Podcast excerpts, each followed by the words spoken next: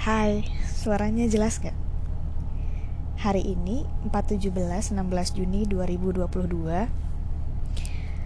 Gue lagi di bis mau ke kampung halaman dari Bandung. Dua hari kemarin ke Bandung untuk presentasi Dan hasilnya bisa dilihat jelas dari judul podcast ini. Benar, kasarnya gue dipecat. Kalau halusnya adalah gue menerima konsekuensi gue karena gue memilih um, memilih mengambil resiko itu. Jadi beberapa hari yang lalu gue udah pernah cerita kalau gue ikut program perusahaan namanya manajemen trainee itu program untuk uh, menciptakan leader-leader baru dan gue pengen jadi salah satu leader dalam grup di perusahaan gue. Tapi uh, ternyata nggak lolos. Jadi tahap satu tahap dua udah lolos. Kemudian gue disuruh magang di posisi yang baru sebagai leader dan gue nggak lolos.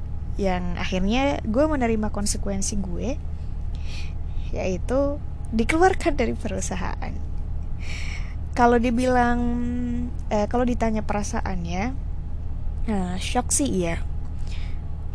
Yang bikin shock itu bukan gue dikeluarin dari perusahaan karena gue tahu itu konsekuensi yang gue ambil. Yang bikin shock adalah ketika gue presentasi ada beberapa hal dari bos paling tinggi gue komisarisnya itu mengomentari presentasi gue bahwa bahwa apa yang gue lakukan itu intinya tidak sesuai dengan ekspektasi dia. Nah, uh, di situ yang bikin shock karena uh, gue mikirnya gini, kalau mau nyalahin orang lain itu mudah ya. Gue mikirnya kenapa tugas-tugas itu tidak diceritakan langsung di awal sebelum gue menjabat sebagai regional head lembaga tersebut di cabang Jawa Tengah. Itu kalau gue mau nyalahin orang. Kalau gue mau nyalahin diri sendiri, bodohnya gue nggak nanya gitu. Jadi tidak ada transfer apa ya? transfer informasi yang clear gitu karena yang ngebriefing gue tuh bukan komisaris gue gitu bukan direktur gue tapi uh, leader gue di lembaga pusat gitu. Sedangkan yang menentukan langkah sebuah lembaga eh yang menentukan langkah lembaga gue itu adalah komisaris gue dan direktur gue yang posisinya paling tinggi dalam grup tersebut dalam grup ya bukan dalam lembaga tersebut. Jadi leader di lembaga gue juga ngikut sama komisaris dan direktur utama gue gitu. Ya itu yang bikin nyesek tapi nggak masalah karena gue banyak dapat feedback tentang apa yang gue lakuin sebagai regional head waktu itu di cabang Jawa Tengah. Gue dapat banyak feedback gue belajar banyak. Meski entah habis ini gue akan kerja apa uh, yang pasti uh, gue mau apresiasi diri gue sendiri dan tolong kalian apresiasi gue juga. Nggak sih nggak nggak nggak nggak perlu um, apa ya uh, sesuatu yang gue pelajarin dari peristiwa ini adalah um, apa ya jangan takut ganggu orang kalau misalnya itu hak lo gitu. Uh, masalah terbesar yang buat gue jadi akhirnya gue nggak diterima menurut gue itu sih jadi ceritanya uh, eh, gue kan di Jawa Tengah sedangkan kantor pusatnya di Bandung. Gue ngerasa um, delay komunikasinya itu parah gitu. Uh, akhirnya gue ngerasa kalau gue ini tidak dipentingkan karena posisi gue masih magang gitu. Kayak ya elah Jawa Tengah masih kecil gitu. Nah awalnya gitu. Yang akhirnya gue kayak kenapa ya kok nggak dipentingkan gitu akhirnya gue ngechat ngechat ngechat tapi ternyata delay yang gue bilang tadi delay responnya tuh parah gitu. Delay responnya parah uh, jadinya gue tuh males kalau misalnya mau gue tuh males kalau misalnya mau ngechat mereka karena karena delay informasinya tuh yang parah gitu. Jadi gue nggak mau nggak mau ngechat mereka lagi gitu.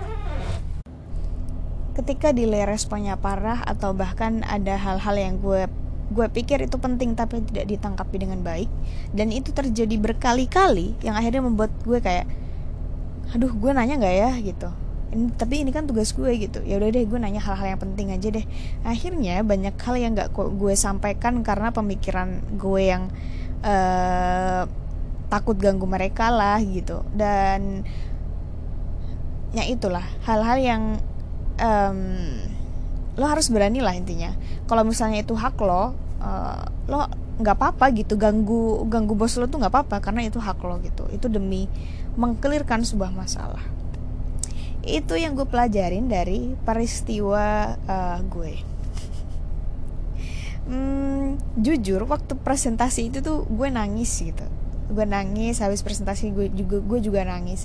Tapi sebenarnya gue nggak sesedih itu karena bukan eh gue nggak sesedih itu karena gue tahu kalau gue bakal ditolak gitu. Yang gue sedihkan itu adalah gue tidak berada di lingkungan yang uh, mendukung perkembangan gue gitu. Kalau di Bandung lingkungan gue adalah lingkungan orang-orang yang kuliah orang yang banyak lebih pintar dari gue. Gue bisa diskusi gue bisa nyolong ilmu dari mereka banyaklah hal-hal yang bisa gue pelajarin dari mereka dan lingkungan itu sangat membantu pertumbuhan gue menjadi orang yang lebih baik. Kalau gue di Magelang gue nggak punya temen nggak punya orang yang satu frekuensi yang backgroundnya sama gitu yang bisa diajak diskusi dan lain. Gue bukan menjelek-jelekan orang Magelang atau lingkungan di sekitar gue ya tapi itu faktanya gitu faktanya kayak gitu. Makanya gue nggak pengen di Magelang karena gue nggak suka lingkungannya. Lingkungannya tidak bisa membuat gue berkembang. Yang bikin gue nangis adalah hal itu. Gue sedih aja gitu. Gue jauh dari teman-teman gue jauh dari orang-orang yang bisa nge-support gue secara langsung gitu. Hmm, gue sebut namanya. Gue mau makasih banget pertama sama ya Allah gue kalau ngomongin dia tuh gue mewek banget tuh karena orang ini tuh hmm, orang ini tuh dicintain banyak orang gitu. Kalau orang ini ngomong orang ini komunikasi tuh rasanya enak banget dan bisa bikin bisa bikin orang lain itu jatuh cinta sama dia gitu. Jatuh cinta itu bukan bukan cinta cintaan yang cowok ke cewek ya tapi bisa sahabatnya tuh bisa bener-bener cinta gitu. Waktu itu uh, waktu itu gue pernah denger dia kan punya sahabat namanya uh, isinya isin inisialnya N lah gitu. Terus kotak-kotakan sama si teteh ini gitu. Terus sahabatnya tuh bilang ke teteh ini bilang aku cinta kamu gitu. Terus aku uh, terus gue ngakak kan kayak ih apaan banget sih gitu. Ternyata waktu gue temenan sama si teteh ini ternyata orang ini tuh bisa bener-bener um, bikin orang lain jatuh cinta gitu. Karena kebaikannya karena entahlah pokoknya apa yang dia lakukan tuh bener-bener tulus. Bener-bener bisa hmm, bener-bener positif gitu dan bisa bawa orang lain tuh ke arah yang lebih positif. Ya namanya Tesri Sulastri. Iya uh, uh, dia lima tahun di atas gue gitu tapi gue kalau sama dia bisa cerita cerita uh, bisa bebas lah bercerita bisa bertukar pikiran. Dia pendengar yang cukup baik uh, orang yang bisa ngasih solusi juga. Pokoknya uh, dia orang yang sangat baik lah. Gitu makanya gue agak uh, agak susah untuk jauh dari beliau. Karena beliau berpengaruh banget dalam hidup gue gitu. Jadi yang gue pikirin itu ketika gue tidak diterima di perusahaan ini gue mikirin Teh Sri gitu. Teh Sri bisa hidup tanpa gue gitu tapi tapi gue susah gitu. Gue susah banget. Karena uh, dia berpengaruh banyak lah dalam dalam hidup gue. Makanya gue kalau jauh dari dia agak. Udah ah, sedih jadinya. Pokoknya kalau Tasri dengerin ini ih mau nangis lagi. Uh, makasih banyak Tasri pokoknya bakal bakal kangen banget. Gue juga heran ada orang yang bisa bikin orang lain sesayang itu sama dia gitu. Makasih dan maaf pasti teteh tahu banget. Hmm, kekurangan kekurangan aku karena kita berkali-kali naik gunung. Tahu kelemahan kelemahan aku lah. Tapi teteh masih mau temenan sama aku. Itu kayak orang-orang yang masih mau temenan sama gue tuh bener-bener bener-bener keren lah